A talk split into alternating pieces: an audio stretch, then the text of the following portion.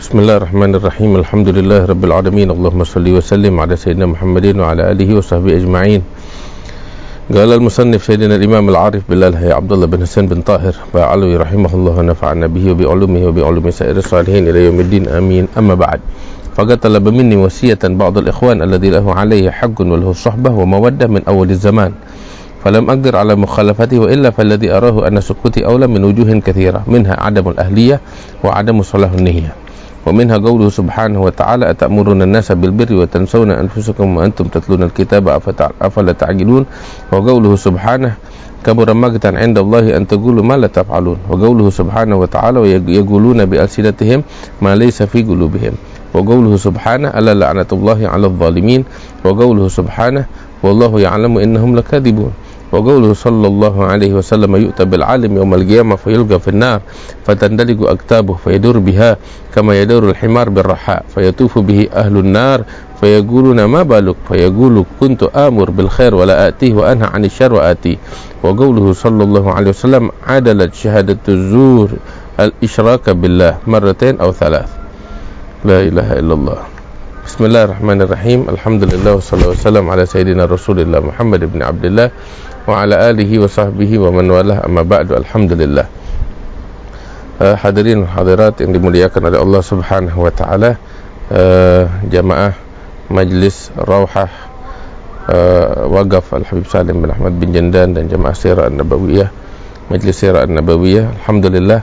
Di sore hari ini kita sama-sama melanjutkan pengajian rutin kita di Sabtu sore. Hanya saja biasa ini kita bertatap muka langsung cuman karena kondisi yang saat ini eh, naik turun belum memungkinkan. Karena itu majelis kita kita adakan dengan sistem online semacam ini. Alhamdulillah ini merupakan nikmat dari Allah Subhanahu wa taala. Mudah-mudahan keberkahan senantiasa diturunkan sampai kepada kita sekalian. Hadirin wal hadirat yang dimuliakan oleh Allah Subhanahu wa taala eh, pertemuan terakhir kita kita masih membahas tentang kitab Majmu' yang disusun oleh Al-Habib Abdullah bin Hasan bin Tahir seorang ulama besar guru daripada Al-Habib Uthman bin Yahya. Uh, kitab Majmu' seperti kita katakan terdiri dari beberapa karya tulis daripada Al-Habib Abdullah bin Hasan bin Tahir yang dikumpulkan jadi satu menjadi satu kitab ini. Dan bagian pertama uh, ada beberapa wasiat-wasiat. Di antaranya uh, wasiat pertama ini cukup panjang lebih dari 150 halaman ya tatkala ada salah seorang sayyid dari keluarga Al-Aidrus be, beliau meminta wasiat dari Al-Habib Abdullah bin Husain bin Tahir.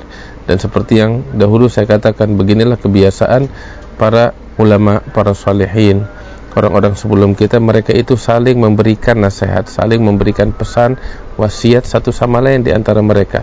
Dan ini uh, sejalan dengan apa yang dinyatakan oleh Allah Ta'ala di dalam Al-Quran wal asri innal insana lafi khusrin illa alladhina amanu wa amilu salihati wa tawasaw bil haqqi wa tawasaw bis sabr. Allah Subhanahu wa taala mengatakan di dalam Al-Qur'an wal asr demi masa bahwasanya sesungguhnya manusia semuanya mereka dalam kesialan kecuali kata Allah taala. Allah pukul rata seluruh manusia dalam keadaan sial rugi. Nah, dari mereka semua ada kelompok yang dikecualikan oleh Allah. Mudah-mudahan kita masuk dalam golongan ini. Apa kelompok tersebut yang terangkum pada dirinya empat kategori. Alladzi illal amanu wa amilus solihat wa tawassaw bil haqq wa tawassaw bis sabr. Adalah orang-orang yang beriman, beramal soleh, terus berwasiat, mengajak, menghimbau kepada untuk berpegang teguh kepada kebenaran dan untuk senantiasa bersabar di dalam menjalankan uh, kebenaran tersebut. Artinya uh, dititik beratkan di sini adalah al-wasiyah, saling berpesan, saling mengingatkan dan inilah sifatnya orang-orang beriman kepada Allah Subhanahu wa taala fadzakir fa inna dzikra tanfa'ul mu'minin. Allah taala mengatakan uh, saling mengingatkanlah. Fadzakir, berikan peringatan karena sesungguhnya peringatan itu sangat bermanfaat bagi mereka orang-orang yang beriman kepada Allah Subhanahu wa taala. Dan Habib Abdullah bin Husain penulis kitab ini beliau katakan e, sesungguhnya telah datang kepada saya e, salah seorang dari sahabatku, saudaraku yang punya hubungan erat persahabatan dengan saya, kecintaan dengan saya, dia datang kepadaku untuk meminta wasiat. Saya enggak bisa menolak permintaannya kata Habib Abdullah.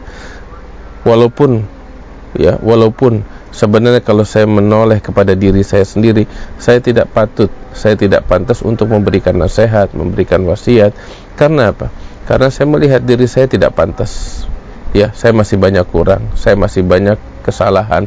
Saya ingin mengajak orang kepada ketakwaan sedangkan saya belum bertakwa. Bagaimana? Kata Habib Abdullah. Nah ini ada beberapa hal disebutkan oleh Habib Abdullah. Penyebab beliau menganggap dirinya tidak pantas untuk memberikan wasiat tetapi beliau bilang sekalipun saya enggak pantas tetapi saya ingin masuk di dalam kelompok orang-orang yang selamat. Itu satu. Yang kedua saudara saya ini Sayyid Al-Aidrus ini saya enggak bisa menolak permintaannya kata Habib Abdullah bin Hasan bin Tahir. Sebab hubungan saya dengan dengannya sangat erat sekali. Hubungan apa? Hubungan persahabatan. Nah inilah yang perlu kita perhatikan. Yang perlu kita perhatikan hubungan persahabatan. Hubungan persahabatan itu Allah Ta'ala mengatakan al-akhillau yawma idhin ba'duhum li ba'din adu illa al-muttaqin Allah Ta'ala mengatakan orang-orang yang bersahabat di dunia satu sama lain kelak di hari kiamat mereka akan saling bermusuhan satu sama lain. Ya Allah. Allah nyatakan demikian. Orang-orang yang saling bersahabat di dunia kelak di hari kiamat mereka akan saling bermusuhan. Akan saling bermusuhan. Kecuali kata Allah ilal muttaqin. Kecuali orang-orang yang bertakwa. Artinya apa? Saudara-saudara sekalian yang dimuliakan Allah eh, persahabatan yang tidak berdiri di atas pondasi takwa kelak di hari kiamat akan menjadi penyebab seseorang terjerumus di dalam api neraka. Seseorang ketika saling bersahabat di dunia tetapi persahabatannya tidak berdiri di atas pondasi takwa bukan untuk ketakwaan kepada Allah Subhanahu wa taala akan menjadi penyesalan baginya. Karena itu kita harus memperhatikan kita hidup di dunia kita bersahabat dengan manusia yang lain. Tetapi inilah yang membedakan kita orang-orang beriman dengan orang-orang yang tidak beriman kita punya prinsip kita punya uh, warna kita punya ajaran yang diajarkan oleh Rasulullah wasallam itu yang membedakan kita dengan yang lain. Orang lain makan, kita juga makan, tetapi Nabi mengajarkan kita. Orang-orang beriman kepada Allah ketika makan, dia makan atas nama Allah. Dia mengucap bismillah, bismillahirrahmanirrahim dengan nama Allah saya makan makanan yang Allah rezekikan ini. Ya, dia mengingat itu nikmat, dia jalankan adab, dia ikutin sosok hamba yang mulia itu Nabi Muhammad sallallahu alaihi wasallam. Setelah dia makan, dia ingat lagi kepada Tuhannya. Apa itu dia ucapin? Puji-pujian kepada Allah, rasa syukurnya kepada Allah Subhanahu wa taala. Kita makan, orang kafir juga makan yang enggak beriman, tapi ini bedanya. Bedanya makanan kita ketika kita makan, kita punya hubungan dengan Tuhan yang menciptakan kita. Orang-orang yang enggak beriman, mereka enggak punya hubungan dengan Tuhan mereka. Ya ini yang membedakan kita dengan mereka. Ya. Orang-orang di luar sana yang enggak beriman kepada Allah, mereka pun hidup bersosial, hidup sosial. Ya, mereka bersahabat, mereka berteman, mereka menjalin hubungan. Kita pun juga demikian dengan manusia di luar sana, kita bersahabat, berteman, menjalin hubungan. Tetapi yang membedakan kita di dalam persahabatan, di dalam menjalin cinta, di dalam menjalin kasih sayang, ya. Apa yang membedakan kita? Kita lakukan itu semua dengan dasar takwa dorongan penghambaan kepada Allah Subhanahu wa taala dengan ya ikatan yang erat dengan Allah Subhanahu wa taala. Itu yang membedakan kita dengan yang lain dengan orang-orang yang enggak beriman kepada Allah Subhanahu wa taala. Ketika saya menjalin persahabatan dengan seseorang orang-orang yang beriman kepada Allah menjalin persahabatan karena dasar takwa untuk tujuan bertakwa menghamba kepada Allah. Enggak ada lagi lain. Maka itu orang-orang yang semacam ini mereka kelak di dunia. Mereka di dunia mulia di akhirat mereka pun akan dimuliakan oleh Allah Subhanahu wa taala. Sehingga Nabi sallallahu alaihi wasallam mengatakan di dalam hadisnya uh, bahwasanya kelak orang-orang yang saling mencintai mencintai bagaimana? Kita manusia mencinta kita mencintai setiap manusia muslim atau kafir. Tetapi orang-orang yang beriman kepada Allah mereka mencintai karena Allah. Mencintai karena Allah bukan karena dunia bukan karena yang lain. Mereka cinta tulus karena Allah saling menghargai saling mencintai karena Allah. Nabi SAW mengatakan bahwasanya kelak di hari kiamat Allah Ta'ala mengatakan kepada sekalian hambanya Ainal mutahabuna fiyah mana tuh orang-orang yang dulu di dunia saling mencintai karena aku kata Allah. Aina mutazawiruna fiyah mana orang-orang yang dulu di dunia saling mengunjungi karena aku kata Allah Subhanahu wa taala. Ya, dipanggil oleh Allah. Ya manusia di dunia saling berkunjung saling mencintai. Tapi ketika putus hubungan dari Allah nggak ada artinya itu semua. Yang berarti ketika itu semua didasari tulus karena Allah. Makanya di hari kiamat yang dipanggil hanya mereka yang saling cinta karena Allah yang saling berkunjung karena Allah Subhanahu wa taala. Allah memanggil, "Aina mutahabbuna fiyah?" Mana itu orang-orang yang dulu di dunia saling mencintai karena aku. Maka saat itu mereka berdiri menyambut panggilan Allah Subhanahu wa taala, maka Allah taala mengatakan kepada mereka di dalam hadis yang lain sebagaimana disebut wajibat mahabbati, wajib untuk mereka mendapatkan kecintaanku kata Allah Subhanahu wa taala. Mereka patut mendapatkan cinta dan keridhaan dari aku. Kenapa? Karena dahulu mereka di dunia saling mencintai karena aku kata Allah Subhanahu wa taala. Inilah yang harus kita perhatikan ketika kita menjalin persahabatan, menjalin persaudaraan, kita dasari itu semua untuk Allah, karena Allah dan untuk mencari ridhonya Allah. Nah, semua bisa mengaku Wah saya menjalin hubungan persaudaraan karena Allah nggak ada lagi lain. Mengaku bisa, tapi apakah demikian? Siapa yang tahu? Harus dibuktikan. Harus dibuktikan. Al-Imam Abdurrahman bin Abdullah Balfaqih beliau mengatakan wa yaghbitu ahlal hubbi lillahi idlahum manabiru tahtal arshi ahlun nubuwati. Wa ayatu kaunil hubbi lillahi antura limardatihi fi kulli ijtima'in furgati beliau katakan kelak orang-orang yang saling bersaudara yang saling mencintai karena Allah akan disediakan oleh Allah Ta'ala di hari kiamat untuk mereka mimbar-mimbar dari cahaya. Anugerah kemuliaan yang Allah berikan kepada mereka. Bahkan saking agungnya anugerah tersebut karunia tersebut hingga para nabi di hari kiamat melihat anugerah itu mereka iri ingin menjadi umat Nabi Muhammad yang semacam itu yang berdiri di atas mimbar-mimbar cahaya yang disediakan oleh Allah. Untuk siapa mimbar-mimbar cahaya tersebut? Untuk orang-orang yang saling bersaudara karena Allah, saling mencintai karena Allah Subhanahu wa taala. Terus Al-Imam Abdurrahman bin Abdullah bin Faqih Alamatud Dunya murid Habib Abdullah Haddad, beliau katakan, "Wa ayatu kaunil hub lillahi antura limardatihi fi kulli ijtima'in wa furgati." Tanda cintamu, jalinan persaudaraanmu, kasih sayangmu satu sama lain, tanda dan bukti itu semua terjadi karena Allah. Apa buktinya? Engkau senantiasa terlihat di dalam keridhaan Allah setiap kali kamu berkumpul dengan mereka atau berpisah dengan mereka. Saat kamu berkumpul, engkau di dalam keridhaan Allah, di dalam ketaatan, di dalam penghambaan, di dalam ibadah. Berpisah pun dalam keadaan taat, dalam keadaan ibadah. Persaudaraan terjalin demi untuk ketaatan kepada Allah Subhanahu wa taala. Nah, itu bukti. Tapi kalau persaudaraan hanya untuk dunia, kalau persaudaraan hanya menjadi penyebab dia satu sama lain saling bahu membahu, bantu membantu di dalam kemaksiatan. Itu bukan persaudaraan yang terjalin tulus karena Allah, tetapi untuk kemaksiatan yang dimurkai oleh Allah Subhanahu wa taala. Karena itu Al Habib Abdullah bin Husain bin Tahir beliau bilang, "Saya nggak pantas memberikan wasiat ya karena saya melihat diri saya ini banyak kekurangan, banyak kesalahan dan macam-macam lagi juga disebut di sini penyebabnya. Tetapi karena uh, jalinan persaudaraan yang terjalin karena Allah dengan saudara saya ini Sayyid Al-Aidrus ini.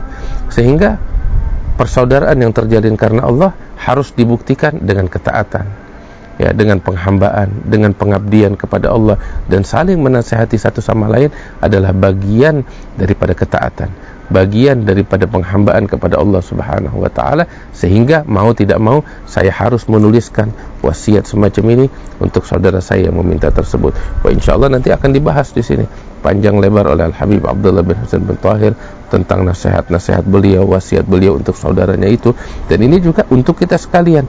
Nah ini luar biasa Nasihat seorang Habib Abdullah bin Hasan bin Tahir Seorang wali Untuk seorang wali juga Sayyid Al-Aidrus tersebut. Ya nah kita bisa mengambil memetik manfaat tersebut dan juga juga sebelum kita masuk ke dalam pembicaraan tentang wasiat yang akan disampaikan oleh Abdullah bin Hussein ada beberapa hal yang di sini perlu kita uh, tahu. Apa sih sebenarnya yang membuat Habib Abdullah bin Hussein itu merasa tidak pantas untuk memberikan wasiat ini akan dibahas satu persatu yang pertama beliau katakan ya saya takut masuk di dalam kelompok yang disebut oleh Allah di dalam Al-Qur'an. Apa itu?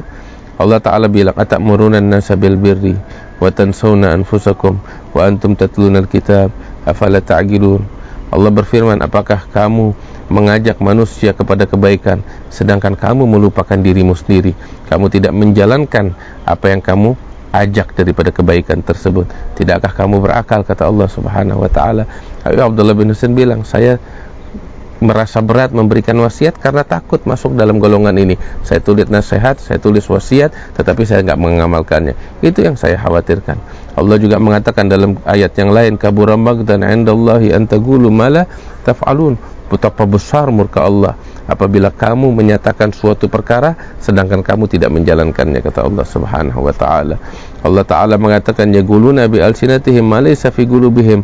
Allah Ta'ala mengatakan mereka mengucapkan dengan lisan mereka apa yang enggak ada di dalam hati mereka. Artinya mereka hanya bersandiwara lisan. Sedang hat, sedangkan hati mereka kosong sama sekali dari apa yang mereka sampaikan. Tidak mereka ucapkan dari dalam hati. Gerak-gerik mereka membuktikan mereka hanya bersandiwara. Ya, karena itu ini hal yang yang betul-betul menakutkan dari Allah Subhanahu wa taala. Allah mengatakan ala la'natullahi 'alal zalimin. Laknat Allah terhadap orang-orang yang zalim. Inilah kezaliman. Ketika kita bersandiwara, kita bisa jadi membungkus diri kita itu dengan casing yang bagus, tetapi Allah menyaksikan gerak-gerik kita. Nah, nggak ada yang luput dari pandangan Allah Subhanahu wa taala dan Allah melihat hati kita. Wallahu ya'lamu innahum lakadzibun. Allah tahu betul kalau mereka sebenarnya adalah orang-orang pendusta yang mana mereka bersandiwara di hadapan manusia tetapi kebobrokan mereka, kejelekan mereka mereka tidak bisa menyembunyikannya dari Allah Subhanahu wa taala. Ini yang membuat Habib Abdullah bin Husain bin Tahir merasa tidak pantas untuk memberikan nasihat kalau bukan karena ikatan persaudaraan yang terjalin karena Allah Subhanahu wa taala. Terus juga nanti akan disebutkan lagi oleh Habib Abdullah bin Husain tentang beberapa hal yang semacam ini juga akan tetapi ini semuanya insya Allah bisa menjadi pelajaran bakal kita sekalian. Mudah-mudahan Allah membimbing kita ke jalan yang diridhai oleh Allah Subhanahu wa taala. Allah menjadikan kita sebagai orang-orang yang saling memberikan wasiat karena Allah Subhanahu wa taala dan kita sepatutnya juga demikian. Kita bersahabat, berteman dengan orang, saling nasihatin, saling memberikan wasiat, saling membimbing, saling apa namanya? mengajak ya. Or, saudara kita yang sesungguhnya itu bukan yang ngipasin kita, tetapi yang yang pedes sama kita itu saudara kita yang pedes sama kita, yang judes sama kita, yang setiap kali ngelihat cacat di diri kita, dia tegur kita, itu saudara kita yang sesungguhnya, bukan yang ngiposin kita. Itu bukan saudara kita. Ya, yang semacam itu kalau kita boleh katakan penjilat. Tapi saudara yang sesungguhnya adalah yang membimbing kita ke jalan yang diridhai oleh Allah Subhanahu wa taala. Mudah-mudahan kita dibimbing oleh Allah ke jalan yang diridhoinya. Mudah-mudahan Allah mengangkat musibah, bala, cobaan yang menimpa kita sekalian, diberikan segala kemudahan, keberkahan oleh Allah Subhanahu wa taala ya rabbal alamin. Wa sallallahu ala sayyidina Muhammad wa ala alihi wasallam. Alhamdulillah rabbil alamin. Assalamualaikum warahmatullahi wabarakatuh.